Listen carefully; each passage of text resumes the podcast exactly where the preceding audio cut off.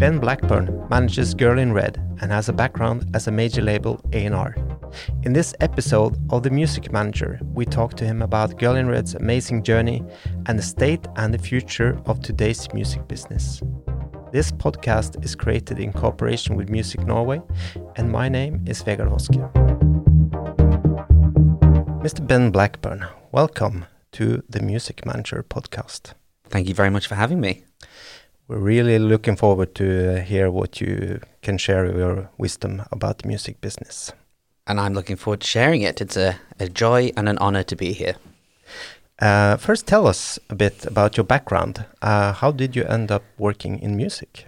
So, I started my journey when I was at the University of Manchester. I moved there to do English literature um, and found myself hating the academic side of it, but wanting to still express myself. So, there was an era that many of these listeners of this podcast may not have experienced or be aware of called the blog era, pre Spotify's um, sort of dominance. There was a little vanguard of us who'd set up music blogs using SoundCloud as a music discovery tool and Hype Machine to effectively discover and share music.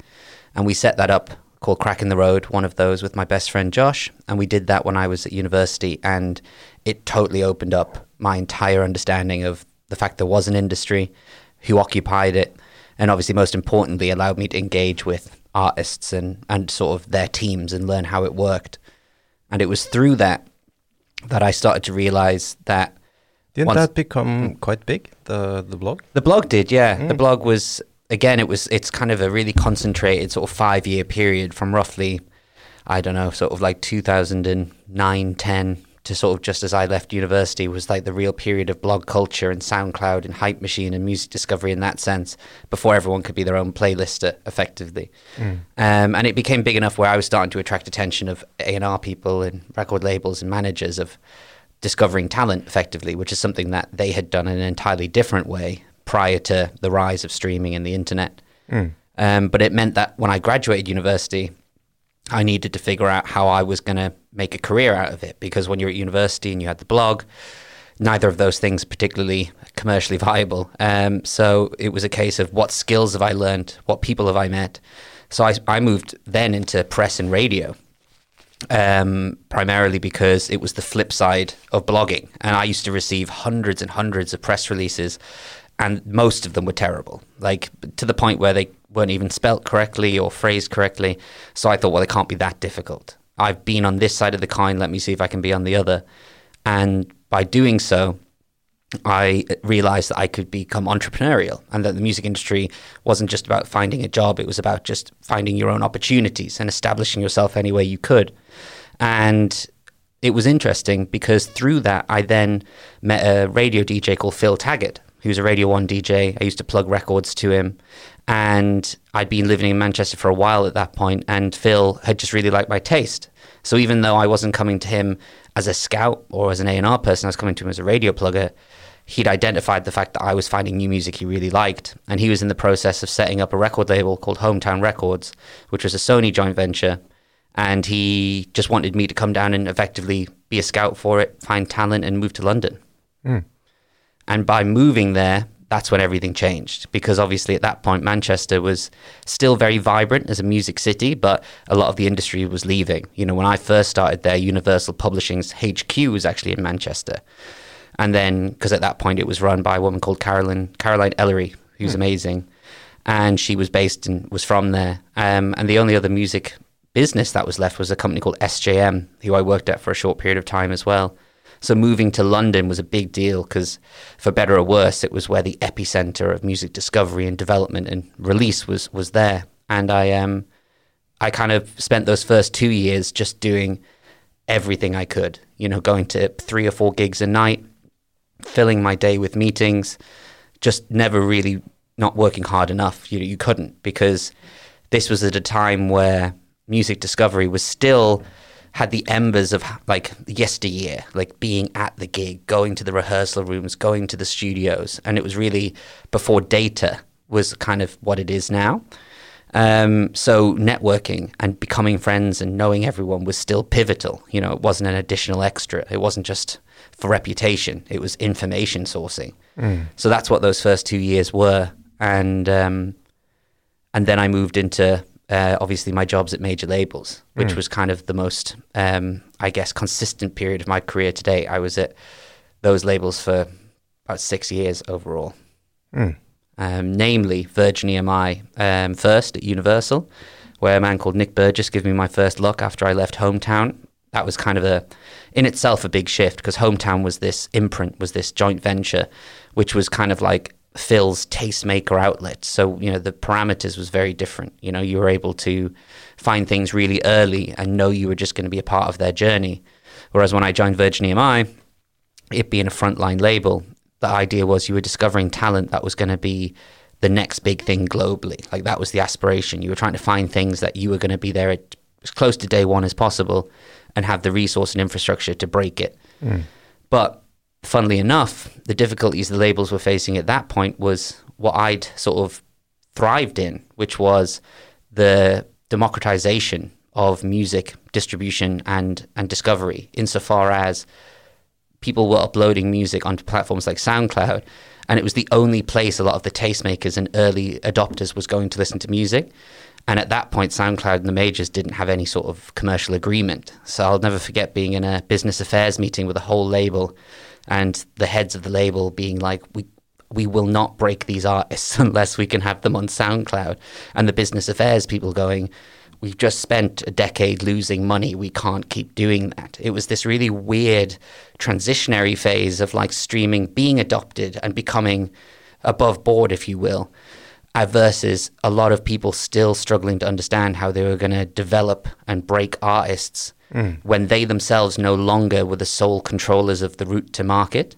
So historically, labels would not only find the talent, but they could manage and channel what talent made it out to the world and when, because they controlled almost everything. You know, like being able to actually record music, the the logistics and the likelihood of being able to distribute it, because obviously for the longest time a lot of it was very physical, mm. and thus they controlled the shop shelves and they had a big say in radio and media. So now it was kind of like, well, the people, the listeners, were the ones dictating what they wanted to listen to and when, and they, they those platforms were born from the exterior. They weren't la- major label inventions. You know, SoundCloud mm. wasn't invented by a major label, etc. So to then have that frustration of like we've got all this talent, but we can't put it into places people want to hear it.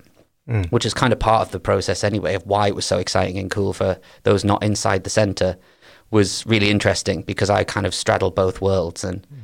And Do, yeah Is the A&R at the major label um, turning more into a product a product manager rather than an A&R?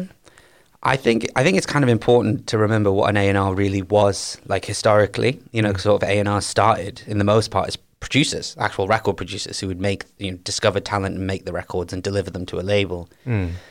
And then it kind of went through a huge shift.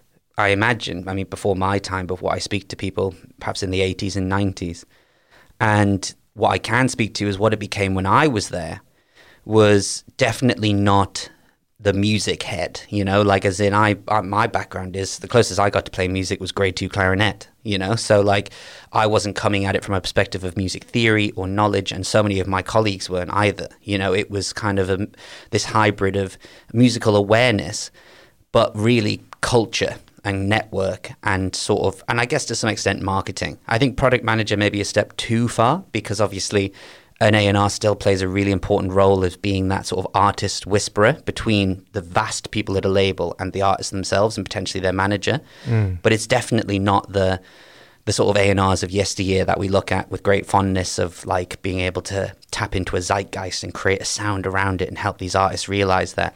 I think modern A&Rs are very much about understanding how and where an artist fits in culture and also how and well they're going to how well they'll market themselves. But the marketing is less commercial minded but more narrative minded. So a lot of the best young A&R people I know are so focused on identifying musical talent but also going like what's your story? Like where's your story in the grand scheme of all of these other artists? Because hmm. now there are that many viable artist entities. It's very easy now to become satisfactory or hmm. good. The difficulty then is becoming great, you Yeah. know, because great now is such a more narrow channel to get to when you have such a wide base because it's cutting through the noise, you know? Mm. Making good music isn't that hard anymore. It's not hard in that the equipment Mm. is much more accessible. The places to record in are much more versatile. You know, Mm. you don't need to be in a studio to start an idea. If anything, it's probably better if you're not. Mm. Whether you're in your bedroom, whether you're in a friend's studio, whether you're in a rental studio, like a short term day thing, like the actual means of recording audio and recording sound and coming up with ideas is a lot more accessible.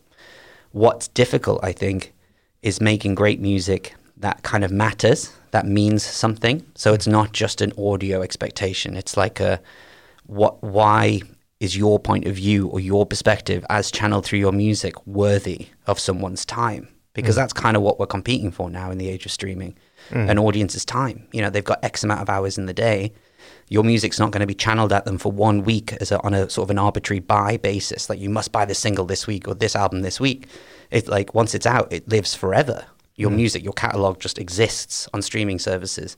So ultimately, you're competing for people's time to keep listening to your music and to engage with you on social media.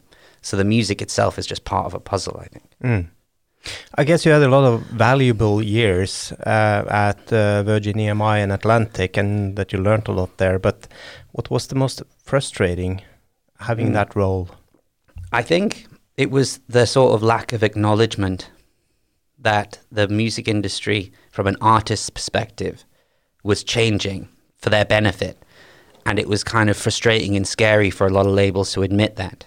Case in point, when I was at one of those record labels and I was in an A&R meeting and we were talking about new talent, my boss at the time, the, I mean, the head of the label, just got so frustrated. He kind of just looked at us and said, if you aren't bringing an artist in who's in, up for or interested in signing a five album deal, then I'm not interested in them.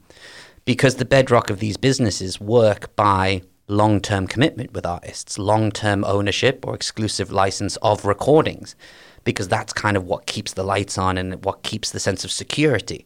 It's not financially or strategically beneficial for them in the older mindset to do these short term, riskier deals with artists because the, the paranoia that exists in these institutions is if you get something so far and you aren't protecting yourself, what's to say that artist won't leave and all of your hard work is actually being done to benefit someone else who really gets to cream the big money or the big success thereafter? But there's an acknowledgement, I think, now that that's just an impossible way to think. You know, I, I couldn't look at an 18 year old artist now and be like, the only way I'm going to help you or the label will help you is if we commit to the next 10 years of your life here and now. And that's if we get past album one. Mm. And it's not as easy as being like, oh, well, album one didn't go well. We'll cut you loose. You can go and do something else because it's a small industry. Mm. And most and labels are very good at sort of making sure they don't seem like the ones that are the problem. so mm. if something doesn't go well and you get dropped, it's not as easy as going, well, I'll sh- dust myself off and I'll go and do it somewhere else.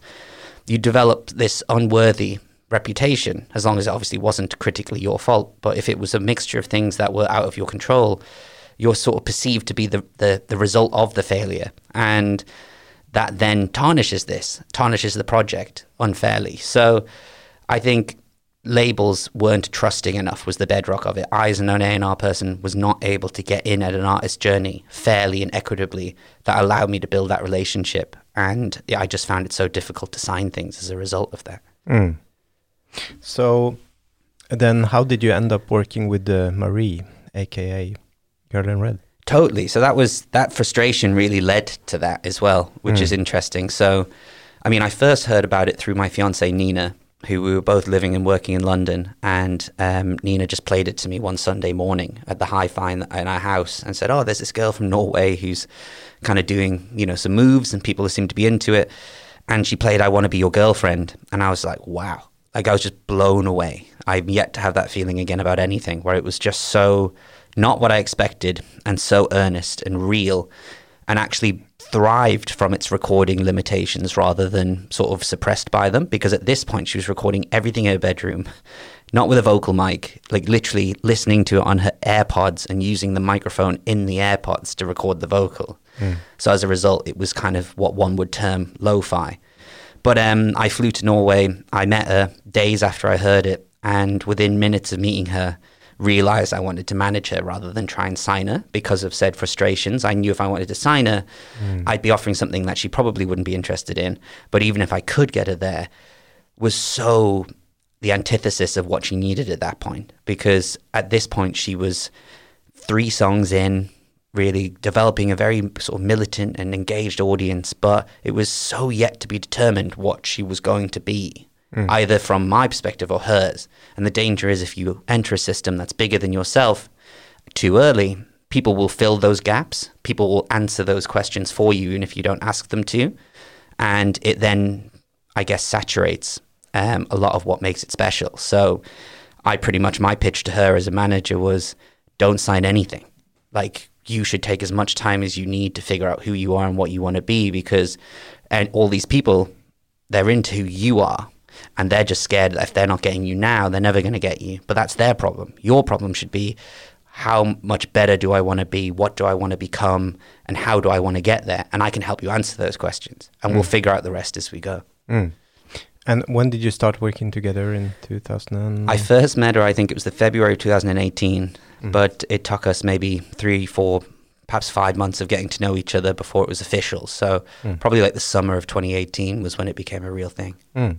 And how has the journey been? Exciting, hmm. terrifying, hmm. anxiety inducing, joyful. Like it's it's it's kind of been everything you can imagine one would have going into any sort of adventure on a path less traveled because Marie is an absolute, um, well, she's absolutely minded rather when it comes to certain things in her career, which is her control of the music she makes. She writes and produces almost everything on her own, certainly at that point when she was doing the EPs. And she was like, I only do this. I'm only an artist because of that fact. My favorite thing is the writing and production. And obviously, uh, over the years that have passed, she's realized that being an artist is so much more than that. But that was always a core thing and also how she presented herself. You know, she didn't want anyone else trying to dictate what she should talk about and how she talks about it and what she should post or what she should look like.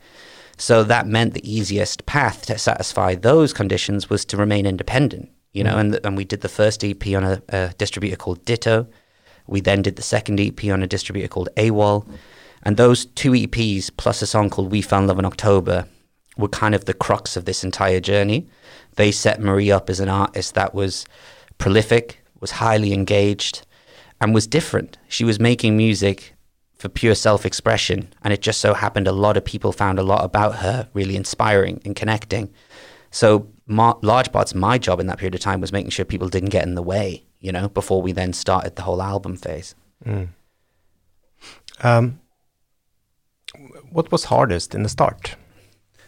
Um, I think a lot of things, kind of a lot of small things. So there wasn't anything sort of massive. It was more just a Marie coming to terms with what was happening because obviously you have to remember when she started doing this, there was no grand plan in her eyes. She was just like, I love making music and I love expressing myself. Mm. So then no one in the music industry quite gets that when an artist starts to move, that they aren't always necessarily prepared or interested in all that comes with it, you mm. know? So, like, Marie went from making music to firstly fielding lots of calls and emails about meetings mm. before she obviously settled with me as a manager. But then after, it was like every time we put a song out, X more people would be interested, whether that was magazines, websites, radio, um, other creative people wanting to work with Marie. So it was Marie going from like, I had control over this thing because it was me in my bedroom to like the catch 22 of, well, all of this other stuff is amazing because it's going to help me grow but I have to start and understand what it's like to delegate and to trust and to share. And those aren't necessarily easy things. They're not as easy as people would think because mm. they come with a great deal of risk as well. Mm. So that would be the hardest thing, I think, being able to develop that between us and then uh, use the plan we had of effectively the two the first two EPs was pretty much drop a song every 8 weeks and sort of have a piece of content around each song and then culminate the bodies of work together at the end which was both for the fans and the audience to keep them engaged, but it was also for Marie to have these really manageable milestones because each time something happened, we could sort of attach everything to the song. Not necessarily like the marketing in the press, but just the emotion or the practical consideration. So she was kind of step changing into something, you know? Mm. Um, from your view, uh, why is that Girl in Red has such uh, an appeal to audiences across the world? I think she, like a lot of artists who were part of that innate, uh, initial rather, bedroom pop scene, was really because their music was vastly different. You could listen to the bedroom pop playlist from 2018 19, and there were similarities in the music, but they were actually very different. So it was a scene and a movement that wasn't genre led per se, it was actually value led, human led. It was about these young people who all were in a position where they were self starting. They were making the music themselves, as per the title Bedroom Pop. They were doing it in a very domestic environment, not overtly commercial or preordained and they were all from a generation that was trying to say something different with their music which you know whether it was about self-identity sexuality environmentalism mental health these were things they were coming to talk about but not in a managed manner but in a very much just this is who I am and I need to share it so from a sense of personality and Marie's real crux I think was the fact that she spoke to so many young queer women mm. and there are obviously young queer women much like there are young queer men and various parts of the sexuality spectrum across the world because they aren't bound by geographical boundaries. They aren't bound by scenes or movements. It's just a human quality. And Marie, by just being herself and opening up herself, give a lot of people a lot of strength and a lot of representation. And her audience in particular was very underrepresented, like historically. So by using the internet, by allowing streaming, to get Marie's music out at the touch of a button to everyone everywhere, people just started talking about it in a way that was very global. You know, it was didn't matter if you were in Australia or Brazil or Russia. The qualities of who Marie was and her music meant that everyone could kind of take something from it. Mm. Uh, it feels like Girl in Red speaks to a lot of people her age, um, that they identify with her, uh, and that that has a lot to do with her appeal. I think so. I hmm. think, I mean, we're also talking about a, a, generation that a lot of the people Marie's age have only ever known streaming, mm. have only ever known social media. You know, I'm a bit older than Marie, and I remember a time before those things existed. Mm. So I think Marie also represents something to these kids who have kind of never not had an environment where they're exposed to people like Marie, but they're equally exposed to things that aren't as inspiring or pleasant or confidence boosting. Mm. So I think more so than me and my generation, Marie's generations of audience are even more attuned to finding people and and and individuals and whatever else mm. via social media that they actually really feel a strength with and a bond with. Mm. So I think that speaks a lot, and I think also to some extent the sort of generation of, that follows Marie are at an age where, regardless of the internet or not, it's a period of time that we all go through sort of identity crises. And that with Marie, a certain strata of people in her age just found someone that was perhaps going through it with them. Because obviously, historically, pop music and pop artists, it was presented as like an aspirational thing, like mm. as in art labels would manufacture artists, or at least their image, to then be seen as you've got to buy this to be like them, or you've got to be seen in these things to be like them. It was something you could sort of hang a few commercial identity, identities on. Mm. Whereas Marie and a lot of her sort of kin, like artists in her level, it was kinship. It was mm. much more like I'm being so open about things that are perhaps taboo historically or perceived to be frailties or weaknesses, but I'm being open about them. I'm opening up myself, and people found a sense of strength in those things. And mm. again, I think that's something really pertinent to that age group, especially when you're trying to figure out yourself mm. and where you fit in. Mm. Uh, previous, uh, previously, Girl in Red was signed to AWAL, uh, but now moved to Columbia, which is a, a Sony uh, label. Uh, what is it that Columbia can offer that AWAL couldn't?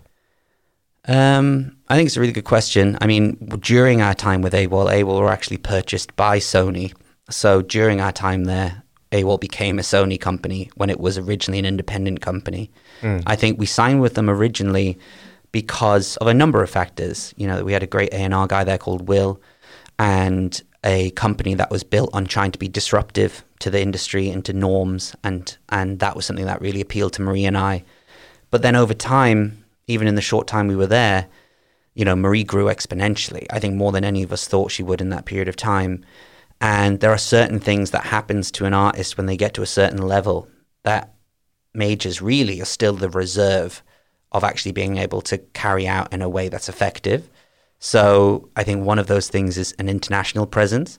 So obviously, Marie originally developed a huge international presence. Mm. You know, case in point, the "Do you listen to Girl in Red" viral quote unquote meme that happened, in which not anything to do with us.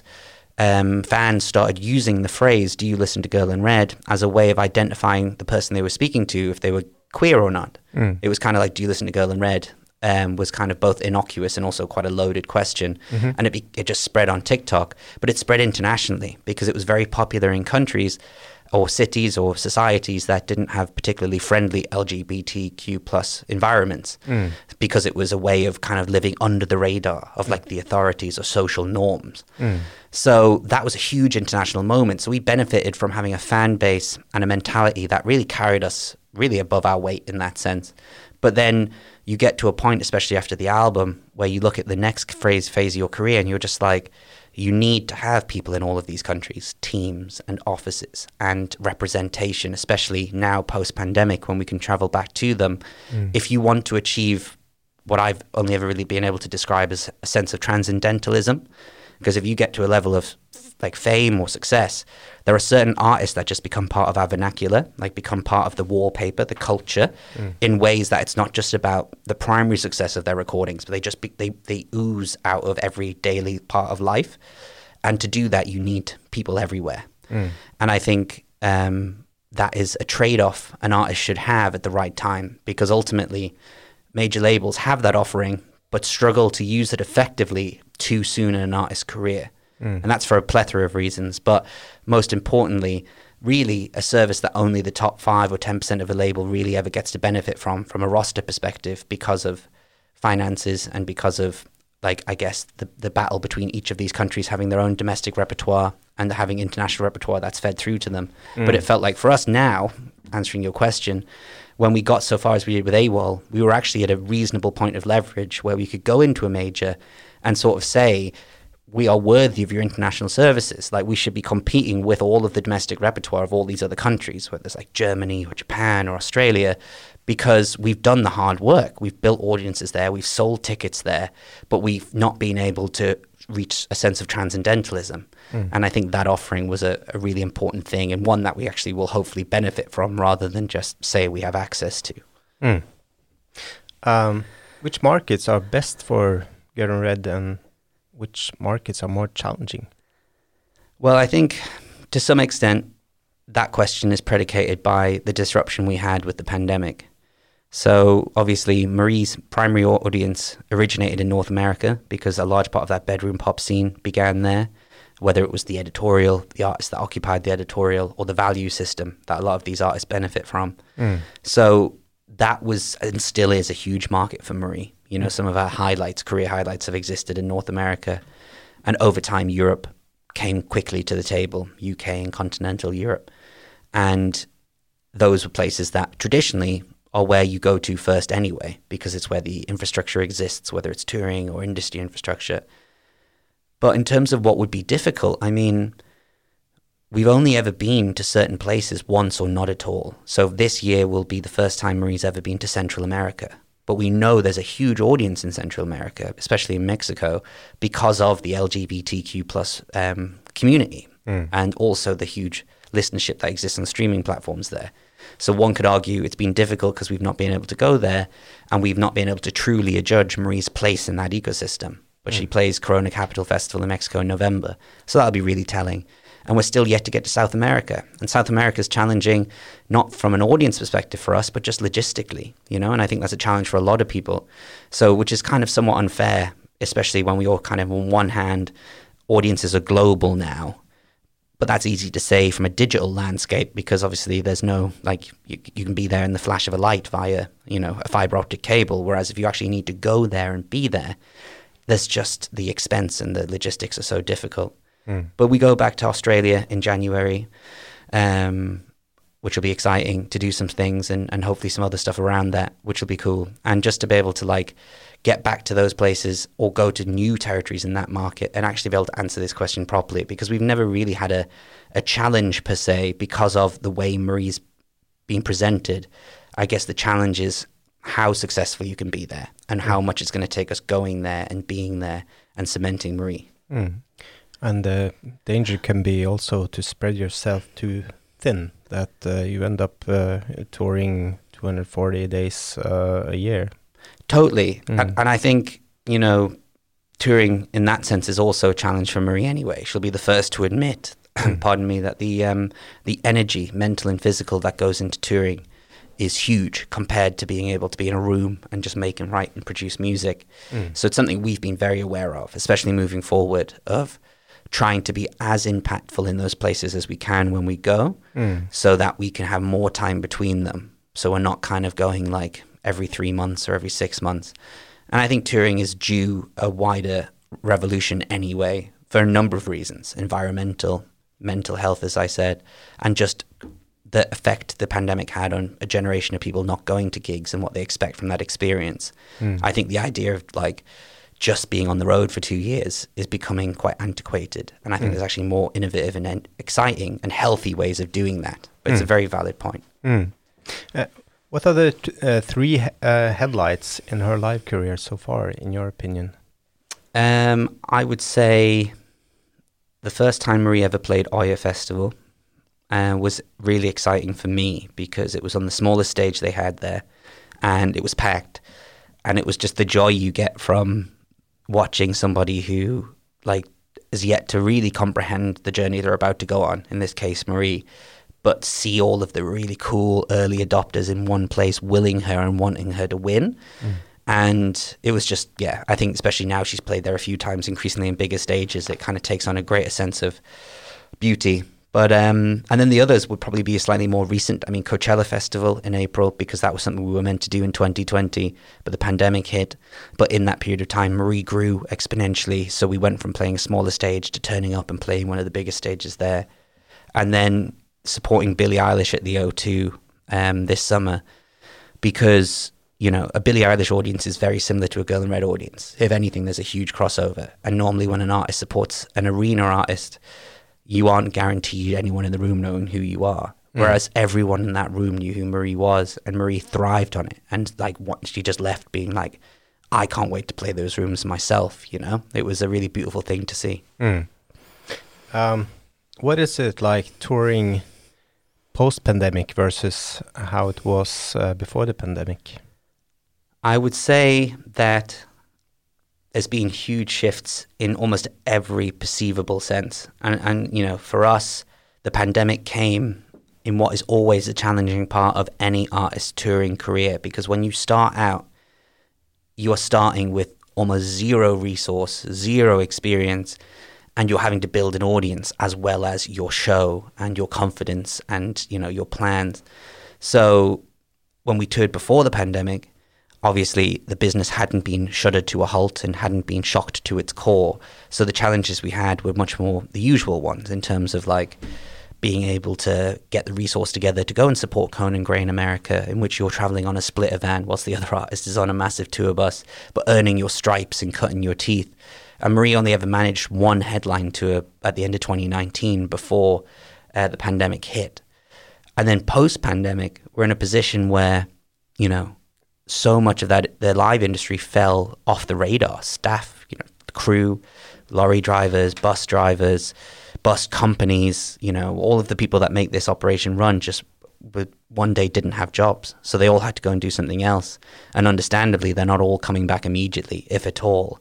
So the, the challenges we face now are unique because Marie's grown so much that we're at a point of relative comfort when it comes to the usual standard challenges, but the challenges thereafter are much more like existential. Like, can we, like, are there enough buses to do this? Are there enough staff to do this? And you're also asking much more questions of who shoulders risk here. You know, like, who, like, I mean, uh, so much of that fell on the artist's shoulders originally. And now we're at a point where we're coming back, but there's still uncertainty regarding, you know, another pandemic or other sort of crises, whether it's, you know, e- economic or otherwise. So it's a lot more, yeah, sort of contemplative rather than logistical. Mm. Uh, in uh, Girl Red's live operation, how many people uh, are involved? It's a good, yeah. That's that's another thing. Like when we started out, it was pretty much Marie's band because obviously Marie's a solo artist with a band, so I count those guys exclusively in the live world, and that's five. And then you pretty much start with a TM who also doubles as a front of house engineer. Mm. Like that's all you've got. and then eventually we grew and we grew, and now I'd say on the road there's at least 16 of them. I think between 14 to 16. So we're including a specific just TM only tour manager, a front of house engineer, a mo- in-ear monitor engineer, a production manager, lighting tech, lighting assistant, a personal assistant for Marie, merch sort of seller that travels with us, and then obviously the band. Mm. And that becomes a, a proper, you know, That's touring party in the realist sense, you know? That's a lot of expenses. It is. It Mm. is, And I mean, I'd argue that they're all entirely worth it because the hardest thing is finding the right team. It's Mm. very easy to find a team, but it's very hard to find people that you can trust and delegate to and believe they're as, as competent and as committed to their specific roles because that team is only as strong as its weakest link. Mm. One of those people makes a mistake, all of the good work of everyone else falls down. Mm. So that's why it's so important. Um, even though it is a big expense and it's one that has to be factored in, Mm. it's arguably one of the most important. How many tours did you do before you broke even? Or have you broken even on I, tours? I, if you could tell me when we'll break even, that would be great. Yeah. Um, because seemingly no one else can. I Mm. think it's the catch twenty two of you definitely don't break even to begin with. It's Mm. it's it's almost like this unwritten rule that it's this loss making enterprise because one day you'll make it big and you'll get the big fees. Mm. But the bigger you get, the greater the expectancy there is Mm. of a show being of a certain standard. And obviously, different artists and genres are different depending upon the amount of infrastructure they need to do their show. But for us, you know, it's a band, so it's like six people, including Marie. And Marie has a very high um, mindset of what it is she wants an audience to see and leave with as an experience, Mm. but also for it to be consistent. So that's where, you know, in- like as much as you start making a bit more money, that money immediately will then be spent on a better lighting rig or an additional member of staff Mm. or slightly better tour buses.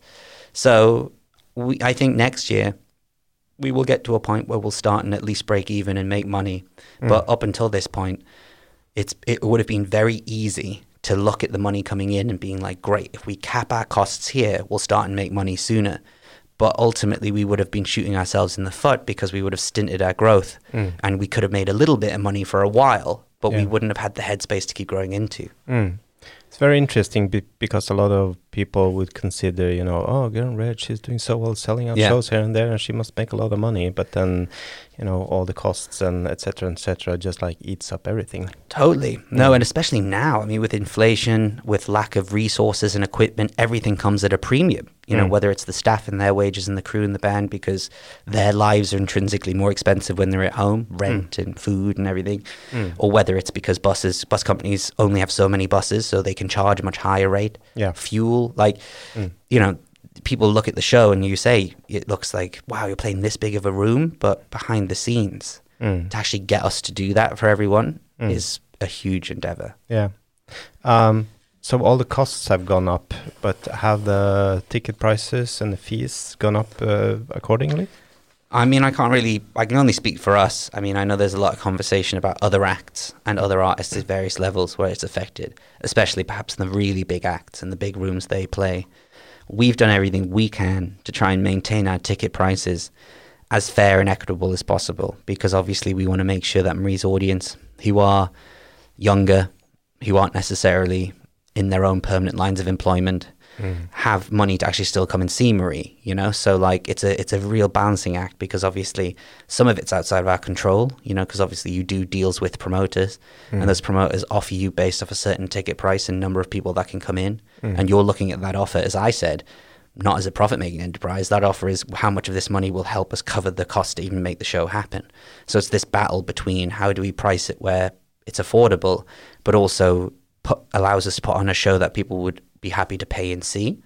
So for us, it's probably been marginal. It's been it's been perhaps in line with inflation or other things outside of our control. But we've tried to keep it at a level where, if the pandemic had never happened, you're paying to see Marie at a level you otherwise would have paid for. You know, Mm. because it does naturally increment because the show increments and the venue increments upwards. So, but I think other people perhaps have taken it as an opportunity to skip steps or to not be content with just breaking even and wanting a margin to make money. But that's obviously their decision. You know. Mm. With the you know high inflation, uh, who knows if we'll have new uh, pandemics uh, like like COVID outbreaks this winter. uh, war in Ukraine, etc. Uh, do you have any thoughts on the conditions for the you know we we the people in music and the music business uh, moving forward? Um, you should say the live side, for instance. Yeah, I mean, I guess the more I think about this question, the more it's kind of it's a privileged position to answer it in because obviously, you know, the way that inflation is impacting the lives of normal people and the way that there's an actual war in which people are dying every day mm. to sort of then put those things alongside what we do can feel a little bit insincere but it's mm. not an invalid question i think i just need to handle it carefully because we are still very lucky that our industry is growing it's still especially the recorded side is actually still evolving and people are making more money now than they ever have mm. Um, but from a touring perspective, it will co- it will continue to hamper it because those factors we've discussed, travel, logistics, costs of very physical, material, tangible things, you know, will exclusively find themselves in that world. Whereas the ability to make music and put it into the internet mm. will be almost, I guess, um, sort of consolidated away from a lot of real world factors. Yes, it'll impact it, but it can be a lot more insular. So I think it will affect us insofar as perhaps consumer confidence. If perhaps people started to spend less money on gig tickets and cut back their streaming sort of subscriptions, mm. um, and it will make things not as exponential as perhaps they once were. But I think there's also a lot to be said about how lucky we are in the position we sit in compared to other industries. Mm. And as a result, we should be working even harder to preserve that position. Mm. uh, she has a publishing deal with Universal Publishing, was it so? Yes, that's right, yeah. Uh, uh, but when she writes uh, the songs herself, what does she need a publisher for? It's a very good question. I think a lot of people would ask that question about publishers generally because mm. um, they get a bit of a bad rep. I mean, obviously, yes, you've you've man- mentioned the financing, which is a big part of it, as it is in any commercial arrangement. Mm. But for us, our journey was Marie was signed by actually one of my very oldest friends, a chap called Pete Simmons. He's an A and R at Universal Publishing, and he very much was honest about what the offering was. Yes, it was finance. At the end of the day, it's also a world leading company who's designed and built to help monetize and manage your rights and your royalties, your compositional work. And there's something to be said about having a company you trust being able to do that and to collate them properly and be very transparent and clear. But it was also just, I guess, our scenario was we always knew that at some point Marie would want to collaborate and mm. would want to work with other people, whether it was on her own music or someone else's, because Marie, first and foremost, perceives herself as a writer producer. Mm. It just so happens now she's most interested in doing it for herself. But there will come a time where she might be like, I'd like to do this for other people or with other people. Mm. And publishers are always very good, especially if you find a good publisher, at helping you join those dots. Mm. Because it's very easy to just look at Marie as a self-contained entity, but that's because that's what it needs to be now. Mm. But to, you you would want to start building that sort of relationship early enough, so when she does go, hey, I'd love to go and work with X person or help them make that record, you trust the people around you are going to help that happen. Mm. Um, where do you see Girl in Red in five years? What are your next goals? It's interesting because if you'd asked me that question five years ago, I don't know if I would have given you an accurate answer to what happened now. Mm. I mean, I probably would have said the same things philosophically, but in terms of how they manifested themselves, it you know, it's rarely the sort of goal that you set out for that you achieve. I tend to find these journeys are much more based on the direction you set rather than the destination. So as long as you're traveling in the right direction, you've got to remain open enough to find the unintended positives and consequences that come with that journey. Mm. To be too linear and too narrow really doesn't afford you the best possible career. So with Marie, I mean, I could say things like get the next album out, be critically and commercially and culturally successful, to become an even bigger and better touring artist. But most importantly, I want Girl in Red to become so much more than what it is now. So Marie started as life as a musician, and she still is. But she's so much more than that to so many more people, including herself as a performer, you know, whether that's acting, whether that's um, perhaps using her performative skills in other mediums, whether it's being creative in developing other modes of art, whether that's painting or clothing, and to actually become really what we set out for when we started saying world in red is actually use the next five years not to only produce and put out great music, but to really build a world in which Marie can be as creative as she wants and become as known as she wants across all sort of modes and mediums of creativity. Because I think in the modern era, like it, not the most successful artists we look at now, but the next generation of them, you can't afford to just be seen as a musician and mm. just like that's all you are because you should be seen as the best possible musician. But if you want to maintain yourself as relevant as you can, you need to be doing uh, exposing other parts of yourself and manufacturing them and manifesting them to give your audience more to dig into, to spend more time with you, to be a part of your life, your narrative, because otherwise, you know, how many songs are uploaded every day? How many new artists discover themselves and release themselves? People will always find something else to listen to. Mm. But if you give them even more reason to listen to it, as long as you do it sincerely and efficiently, then you are standing the chance of me being able to answer that question again in five years for the next five, you know? Yeah. Uh, are you moving into a metaverse? um, I, not not me personally, thankfully, nor Marie. Okay. That whole thing's so interesting. I think it's it's obviously not helped by the fact that it has huge fluctuations of like you yeah. know finance or critical commentary. Yeah. I think the technology will stay here, and I think it has a lot to benefit artists, but certainly not in the near future. Yeah. I've been saying that great music only take you this far nowadays. The great music is sadly not enough to reach an audience, uh, and that the pressure on the artist to be a 24/7 operation uh, that is constantly selling itself in fierce competition with millions of others uh, is huge. What does it take to keep things afloat uh, in this chaos?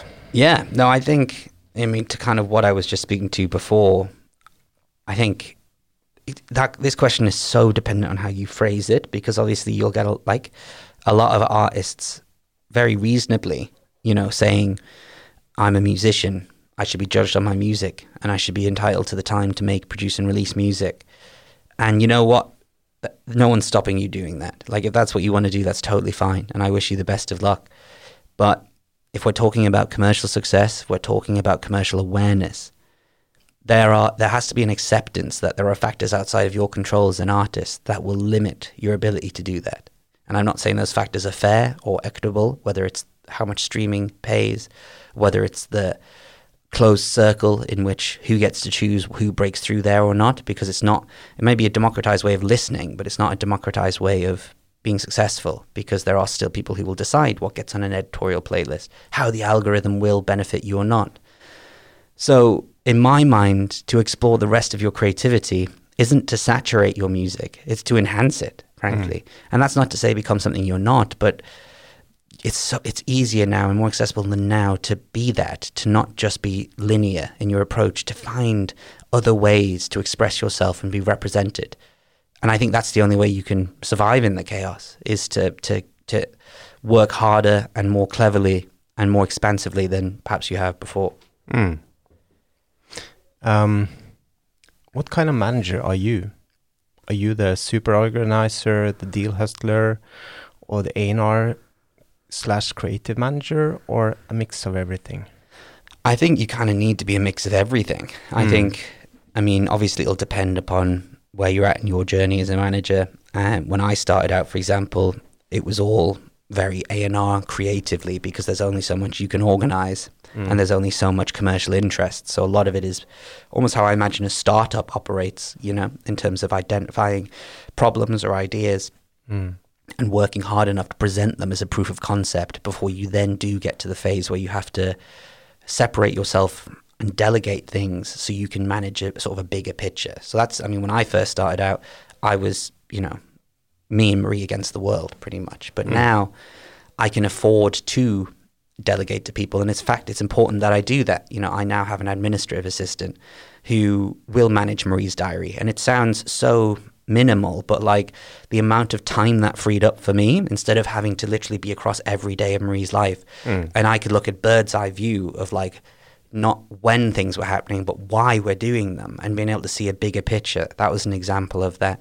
Mm. Or whether it's, you know, being able to entrust a creative director with an artist. When Marie and I first started, it was me and her being like, "What should the next video be?" or "What artwork should we do?" And I'll never forget for the album artwork, it was a painting, and it was entrusted to me to run around Oslo to find a scanner or a pho- or a photographer with a camera of a high enough res to actually capture this thing to put it on DSPs. and like, you know, I loved it obviously because it's given me a funny anecdote, but like I think managers need to evolve whether you have done it for five years, one year, 10 years, like you kind of always need to be finding ways to find your strengths and skill sets, but also never become too control heavy or too insular because you're going to miss a lot of the other opportunities that might benefit the business. Mm. You know, if your eyes are too focused on the, the miniature, Mm. as much as I'm a big fan of detail, it means that you're actually not doing your job that well. Like you might feel like you are, but you're not actually being as expansive enough as you need to be. Mm. Yeah, it's um, uh, it, it's a very good profession if you want a varied profession to put Yes. it that way. Totally. And it's, you know, I think it's it's a it's a you know, people will argue that sometimes managers do too much. And I sometimes felt like sometimes I was being stretched too thin Mm. because it's very emotional. You know, you have like as in you're working with another human being. The product you're making is an, is a product of their feelings Mm. and perspective. So like, it's not like I'm sat there managing someone who makes chairs and we Mm. can distance ourselves from the product because at the end of the day, it's an inanimate object. Yeah. Like we're talking about something that's coming from a real place. So you are you have to put everything into it because that is the only way to get everything out. Mm. Uh, Norway um, has had a lot of export successes uh, the last 10 years. Girls in, Girl Red, Boy Pablo, Sigrid, Kygo, Alan Walker, etc. But most of these had their breakthroughs in the mid 2010s, and after that, we haven't seen many Norwegian artists stirring up that kind of international buzz lately. What do you think is the reason for that? Um, I think it's a few things. I think obviously the pandemic didn't help insofar as it limited where people could go and how they could do their jobs and how they could build audiences. But I think it also changed the global mentality of a lot more people started to look inwards because they could only access certain things or be aware of certain things. And I also think, you know, as we've discussed before as well, and it was, I think it's a very valid point, the sort of rise of Spotify in that period and the way that it did give a head start to a lot of sort of Scandinavian territories and, and artists from those places because of the nature of where the platform was originated from and Mm. the and the audience. People were like some of the biggest uptakers of streaming were in these places, and I think that meant they could be very vocal Mm. about the artists coming through them. But I also think to some extent, if you know, I have the benefit of not being Norwegian in this circumstance. So answering this question, I'm looking from the outside looking in, and it's actually really impressive how many have come through in that period of time. So I think there's something to be said just about a natural ebb and flow. Like I think it's unrealistic to imagine anyone constantly producing this much talent relatable to the amount of people that live in that place or the Mm. amount of infrastructure available to them. So that to me is like a huge amount of success in a short space of time. So it could also just There, there's not a lack of great talent. no, but there's I think I mean not a lack of great talent. I guess great is a very variable word. Like I mean, Girl in Red, Boy Pablo, Sigrid Kygo, Alan Walker using those. They didn't. We're talking about them not just because they're great musicians. Mm. We're talking about them because they had things about them that took them beyond that threshold. Mm. So there's one thing to be a really good musician and a really good songwriter. There's another thing to be a really great artist. And I think that's a very difficult conversation to have with people because some people think just because they can play an instrument or write a song that they're an artist. But I actually think it takes a long time. It should take a long time before you actually perceive yourself as an artist Mm. because an artist is so much more all encompassing than literally having the means and ability to put out music. Mm. So those people weren't just great musicians, aren't just great musicians.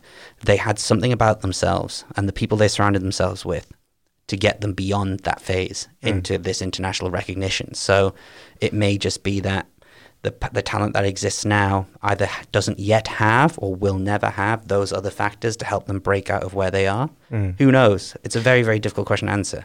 But um, maybe a bit. Uh, it had can have a bit to do with uh, Spotify's development. That um, when Spotify was a new thing in the mid uh, thou- uh, 2010s, then the Nordic markets was in the lead while now uh, Spotify is uh, like you, the biggest markets have so much more leverage versus uh, the smaller markets. Potentially, I, I, I, definitely think that will have had some saying it, mm. um, mm. and that could just be perceived to be a natural correction. Mm. I also think to some extent it's also where music discovery is happening. Mm. You know, Marie hundred percent will have been discovered on Spotify and mm. potentially YouTube, and arguably Boy Pablo, you could say, was discovered on YouTube. Um, but beyond that, now people are making and discovering and sharing music on TikTok, and then that is a very different place to exist in as an artist or, or a, a creative, and in a way rewards discovery in an entirely different way.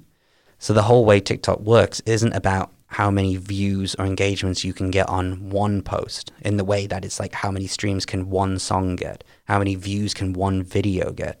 The way the TikTok operates is that it would be much better to have a million videos of your music being used with all of those million videos having one view than one video with a million views because that's the way it, it's monetized that's the way it's, it's paid but that's how the algorithm works so it's in, it's encouraging and developing artists that are able to be as expansive and viral as possible.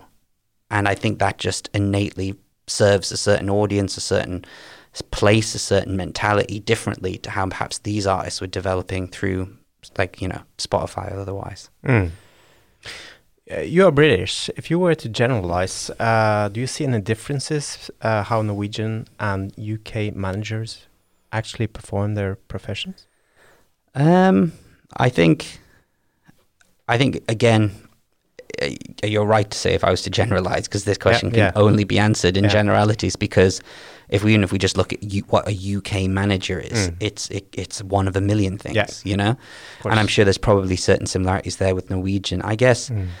in the brief experiences I've had, UK managers are much more um, delegatory and much more top view mm. rather than being on the ground in the trenches in a way. I mean, everyone starts there, but it was very natural for me as I became a more established manager to find people, uh, teams around me to be a part of an artist's career and delegate to them and have this artist be encouraged to understand that I am, in a way, they're everything, but I'm also not. You know, there are jobs that I could do and I'm not doing because I don't care.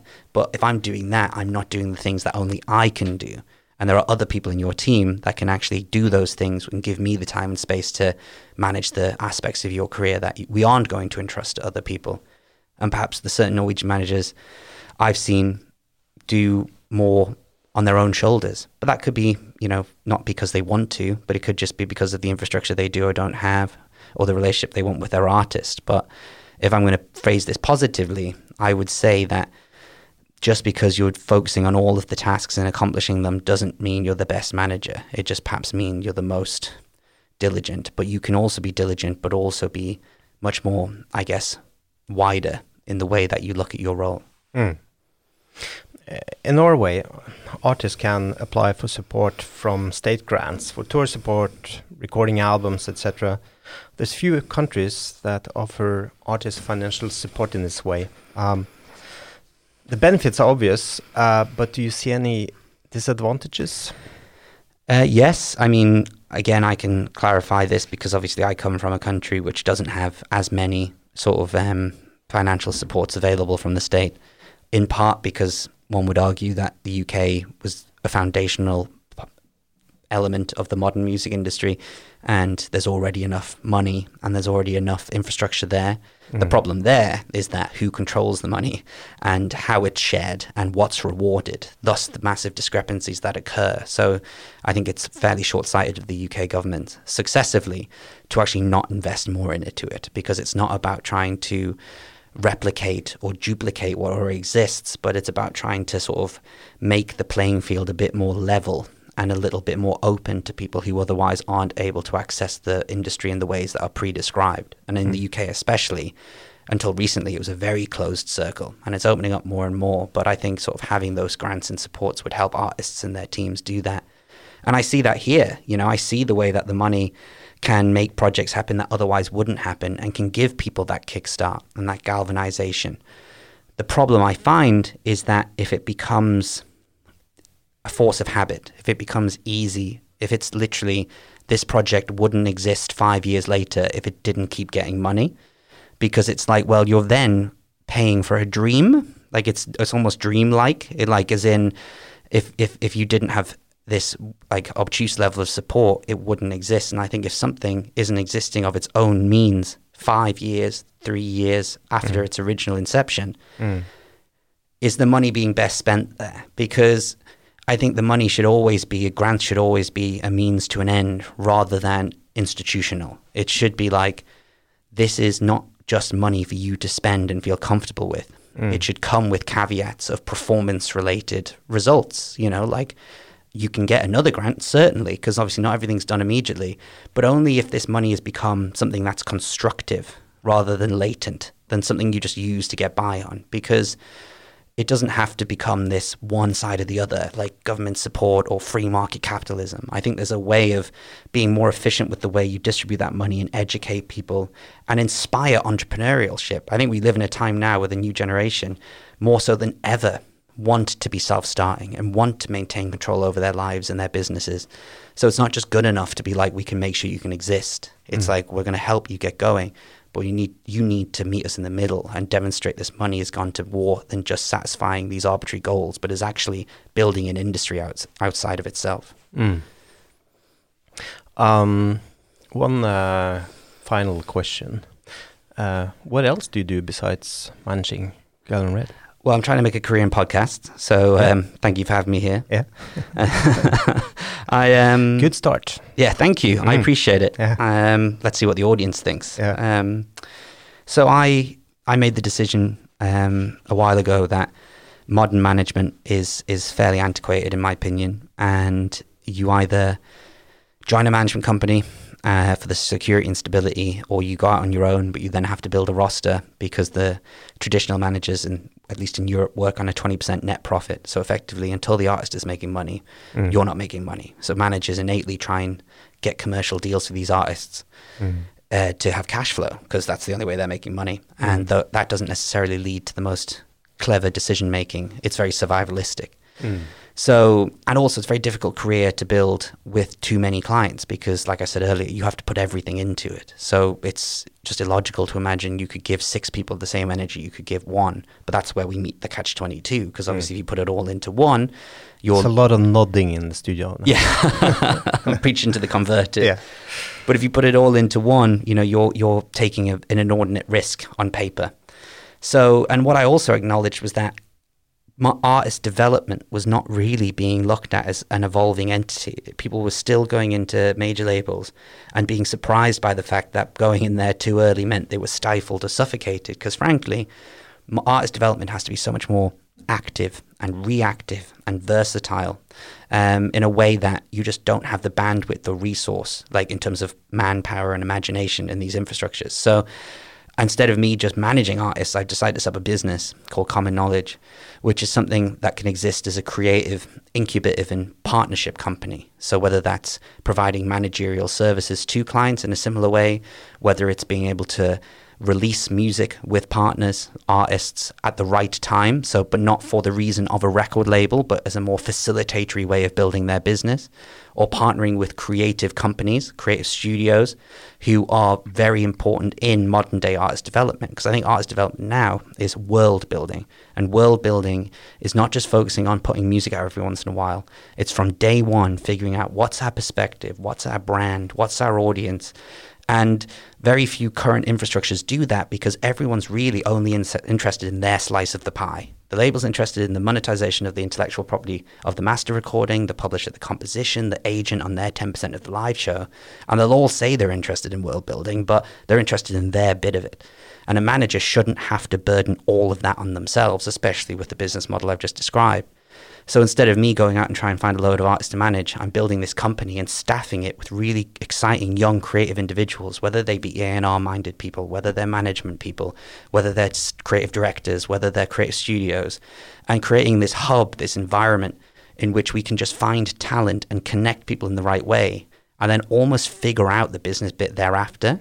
Mm. Because ultimately, until you can demonstrate to people that things can be done differently, it's hard for them to understand. Mm. So I'd rather take the risk in a way instead of risking my career on another five artists, risk it on an idea, on a concept, and acknowledge that the world is changing, and actually make that part of what we do much more exciting and sustainable, and more re- um, reactive to and demonstrative of the changes that are happening anyway.